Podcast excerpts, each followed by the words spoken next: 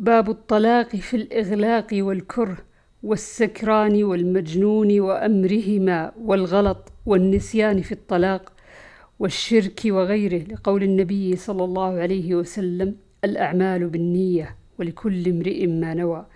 وتلا الشعبي لا تؤاخذنا إن نسينا لا تؤاخذنا إن نسينا أو أخطأنا وما لا يجوز من إقرار الممسوس. وقال النبي صلى الله عليه وسلم للذي أقر على نفسه أبك جنون؟ وقال علي بقر حمزة خواصر شارفي فطفق النبي صلى الله عليه وسلم يلوم حمزة فإذا حمزة قد ثمل محمرة عيناه. ثم قال حمزة وهل أنتم إلا عبيد لأبي؟ فعرف النبي صلى الله عليه وسلم أنه قد ثمل فخرج وخرجنا معه. وقال عثمان ليس لمجنون ولا لسكران طلاق. وقال ابن عباس طلاق السكران والمستكره ليس بجائز. وقال عقبة بن عامر لا يجوز طلاق الممسوس.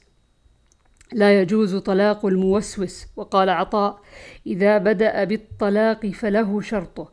وقال نافع طلق رجل امرأته البتة إن خرجت. فقال ابن عمر إن خرجت فقد بتت منه وإن لم تخرج فليس بشيء. وقال الزهري في من قال إن لم أفعل كذا وكذا فامرأتي طالق ثلاثة يسأل عما قال وعقد عليه قلبه حين حلف بتلك اليمين. فإن سمى أجلا أراده وعقد عليه قلبه حين حلف جعل ذلك في دينه وأمانته.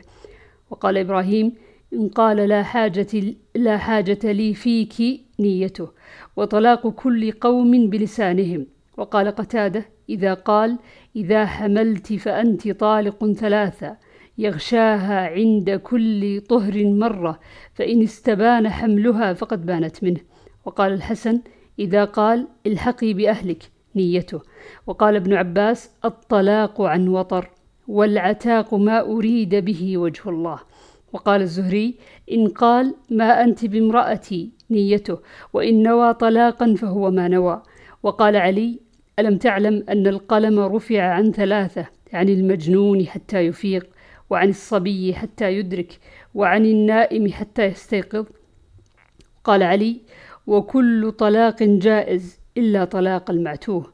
عن أبي هريرة رضي الله عنه عن النبي صلى الله عليه وسلم قال إن الله تجاوز عن أمتي ما حدثت به أنفسها ما لم تعمل أو تكلم. وقال قتادة إذا طلق في نفسه فليس بشيء. عن جابر أن رجلا من أسلم أتى النبي صلى الله عليه وسلم وهو في المسجد فقال إنه قد زنى. فأعرض عنه فتنحى لشقه الذي أعرض فشهد على نفسه أربع شهادات. فدعاه فقال هل بك جنون؟ هل أحصنت؟ قال نعم. فأمر به أن يرجم بالمصلى. فلما أذلقته الحجارة جمز حتى أدرك بالحرة فقتل. عن أبي هريرة قال أتى رجل من أسلم رسول الله صلى الله عليه وسلم وهو في المسجد فناداه. فقال يا رسول الله إن الآخر قد زنى يعني نفسه. فأعرض عنه فتنحى لشق وجهه الذي أعرض قبله.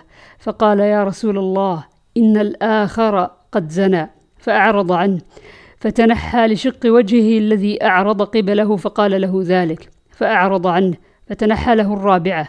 فلما شهد على نفسه أربع شهادات دعاه فقال هل بك جنون؟ قال لا. فقال النبي صلى الله عليه وسلم اذهبوا به فارجموه وكان قد أحصن. عن جابر بن عبد الله الأنصاري قال كنت في من رجمه فرجمناه بالمصلى بالمدينة فلما أذلقته الحجارة جمز حتى أدركناه بالحرة فرجمناه حتى مات. باب الخلع وكيف الطلاق فيه؟ وقوله عز وجل ولا يحل لكم أن تأخذوا مما آتيتموهن شيئا إلا أن يخاف ألا يقيما حدود الله. وأجاز عمر الخلع دون السلطان. وأجاز عثمان الخلع دون عقاص رأسها. وقال طاووس إلا أن يخافا ألا يقيما حدود الله. فيما افترض لكل واحد منهما على صاحبه في العشرة والصحبة. ولم يقل قول السفهاء لا يحل حتى تقول لا أغتسل لك من جنابة. عن ابن عباس أن امرأة ثابت ابن قيس أتت النبي صلى الله عليه وسلم فقالت يا رسول الله ثابت بن قيس ما أعتب عليه في خلق ولا دين ولكني أكره الكفر في الإسلام. فقال رسول الله صلى الله عليه وسلم أتردين عليه حديقته؟ قالت نعم. قال رسول الله صلى الله عليه وسلم اقبل الحديقة وطلقها تطليقة وفي رواية وقال تردين حديقته؟ قالت نعم فردتها وأمره يطلقها وفي رواية وطلقها. عن ابن عباس أنه قال جاءت امرأة ثابت بن قيس إلى رسول الله صلى الله عليه وسلم فقالت يا رسول الله إني لا أعتب على ثابت في دين ولا خلق ولكني لا أطيقه. فقال رسول الله صلى الله عليه وسلم فتردين عليه حديقته؟ قالت نعم.